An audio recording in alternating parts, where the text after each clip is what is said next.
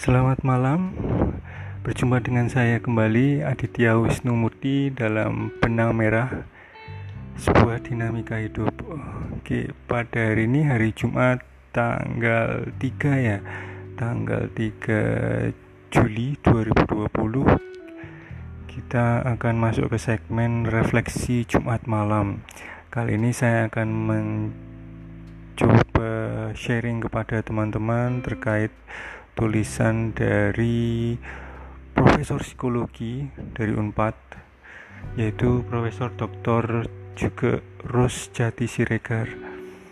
Beliau ini adalah salah satu staf pengajar di Unpad, juga beliau pernah menjadi menjabat sebagai guru besar psikologi perkembangan, kemudian juga pernah menjadi dekan Fakultas Psikologi Unpad terus kemudian juga pernah uh, waktu itu uh, mendapat hak cipta atau kekayaan intelektual terkait dengan model pembinaan mahasiswa dengan judul karya mempersiapkan mahasiswa meninggalkan masa remaja masuki masa dewasa muda.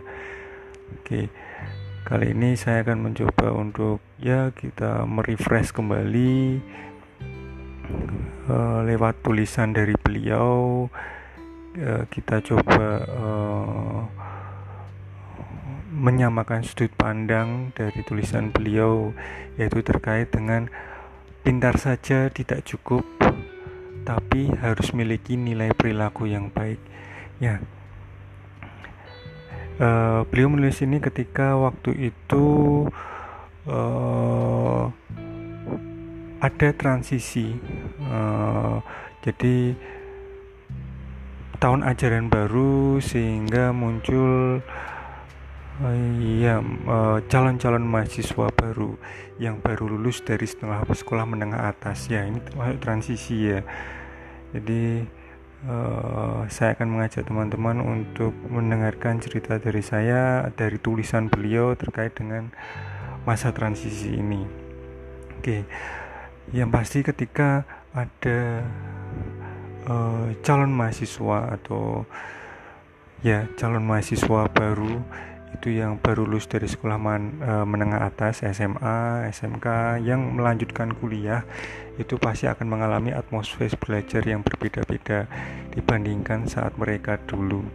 Ya, awal perkuliahan itu menjadi momentum bagi mereka untuk meninggalkan masa remaja dan akhirnya mereka harus masuki kalau dari sudut pandang psikologi perkembangan adalah masa dewasa muda. Seperti itu. Nah, di sini mahasiswa ya pastinya di, uh, tidak pernah lepas dari perkembangan dari masyarakat. Ya sosial pasti melihat para mahasiswa ini untuk oh udah jadi mahasiswa ya. Berarti harus bisa dong mandiri harus bisa dong uh, bertanggung jawab seperti itu. Jadi para mahasiswa ini dituntut oleh masyarakat untuk bisa mengatur dirinya sendiri tidak hanya pada saat kuliah tapi sampai lulus nanti. Oke pasnya uh, masa transisi ini itu berada pada rentang antara 18 sampai 22 tahun. Ya kalau teman-teman mas mbak pernah melalui masa masih harus menjalankan mahasiswa atau mungkin masa transisi ya. Saya nggak ngomong mahasiswa dulu. Masa transisi perkembangan dari remaja menuju masa dewasa muda itu berarti pada rentang usia 18 sampai 22 tahun. Ya seperti itu. Lah ketika anda sudah melanjut uh, sedang melanjutkan uh, sekolah ke pendidikan tinggi pasti belum uh, sepenuhnya waktu itu menampilkan karakteristik dewasa muda. Pastinya seperti itu nah terkadang uh, apa ya istilahnya susah move on atau masih sering menampilkan karakteristik remajanya zaman dulu ketika SMA seperti itu. Entah itu belajarnya berteman berperilaku seperti itu. Nah padahal uh, mahasiswa itu harus punya pemahaman tentang makna hidup. Nah ini yang mungkin jadi refleksi kita uh, ketika kita uh, bertransisi ya uh, saya akan melihat gambaran secara luas saja. Uh, dari anak-anak ke remaja terus ke remaja ke dewasa dewasa ke lansia nantinya itu kita uh, kita sebagai manusia paling tidak harus memiliki pemahaman tentang makna kehidupan dan pastinya itu tidak kita tidak bisa sendiri seperti itu. Lah terkait dengan masa transisi uh, para calon mahasiswa ini masih membutuhkan orang lain. Ya yaitu yang paling dekat adalah orang tua. Ketika terjadi masa transisi ini, orang tua pastinya harus mensupport hal tersebut. Oke, pada masa transisi, uh, Prof juga mengatakan kalau mahasiswa akan mengalami tiga tahapan pengembangan, yaitu pengenalan, pengembangan sendiri, dan penglepasan. Oke, kita bahas satu-satu dari tulisan beliau. Pengenalan itu berlangsung hingga semester kedua berarti kira-kira setahun ya ya satu tahun satu tahun itu mahasiswa akan mengalami masa transisi dari kondisi kehidupan yang bergantung pada keluarga dan masuki kehidupan mandiri secara sosial dan emosi.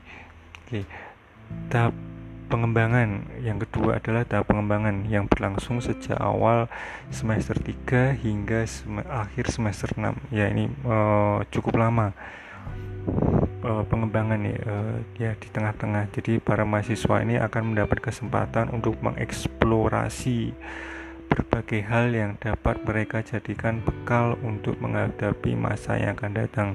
Nah pada saat inilah Eh, para mahasiswa dituntut untuk mengenal lingkungannya. Kalau memang berkuliah uh, mencoba mengetahui saya kuliah apaan sih? Gitu. Gue kuliah apa ini? Ini besok bisa jadi apa sih? Lah pada tahap pengembangan ini mereka atau mahasiswa itu sudah harus paham benar tentang tentang hal tersebut seperti itu Kemudian yang terakhir, tahap yang terakhir adalah penglepasan yang berlangsung sejak awal semester 7 dan berakhir semester 8. Nah, pada akhirnya mahasiswa diarahkan untuk mengaktualisasikan dirinya. Makanya di sini ada tugas akhir ataupun skripsi di situ ya idealisnya mereka dituntut untuk menulis atau menyusun laporan atau tugas akhir sesuai dengan minatnya.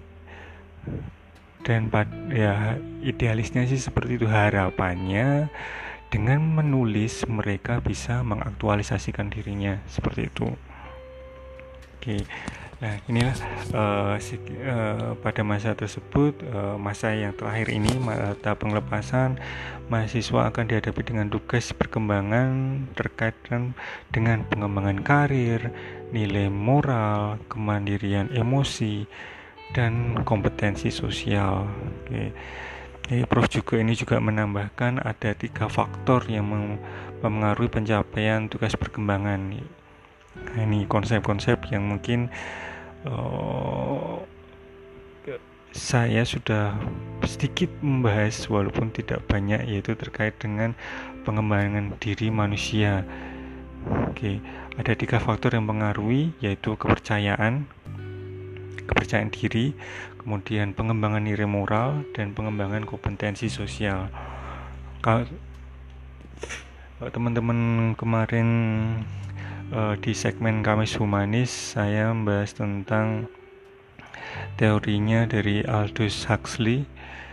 Di situ bagaimana seorang itu harus belajar uh, nonverbal ya pengembangan nonverbal. Nah inilah ini yang mungkin uh, bisa saya jelaskan secara detail pengem nonverbal apaan tuh ya, ya kalau di sini kalau Prof juga mengatakan ini berada pada tahap transisi mahasiswa terutama yang terakhir yaitu adanya kamu butuh kepercayaan diri, pengembangan nilai moral dan pengembangan kompetensi sosial.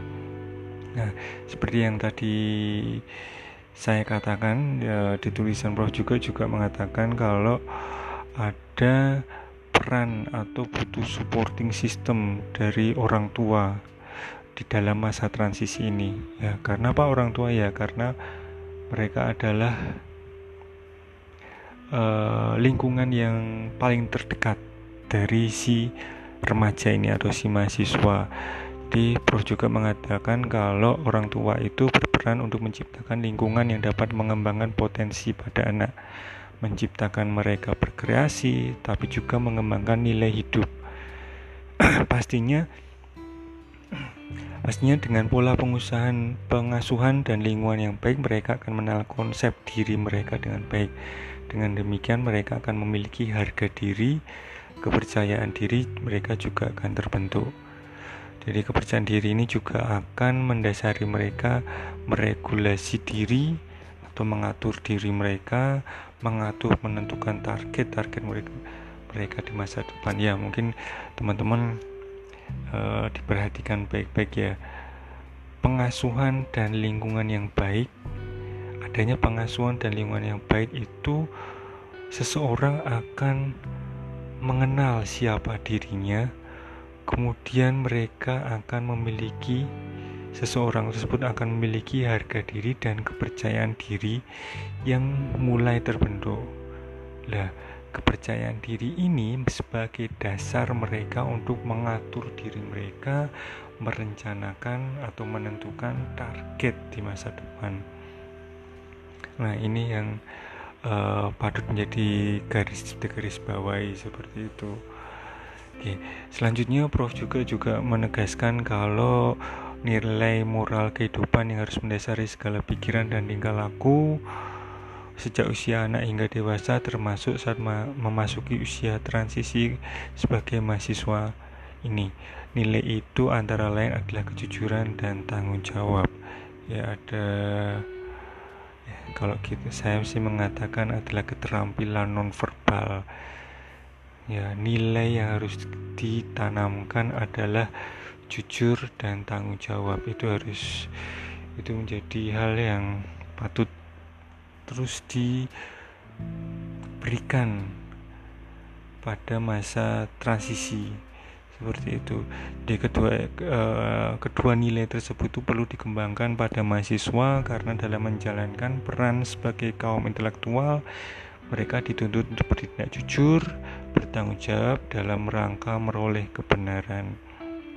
Ya, jadi kalau kita sudah uh, berada di pendidikan tinggi harapan-harapan masyarakat atau mungkin para pendidik ya.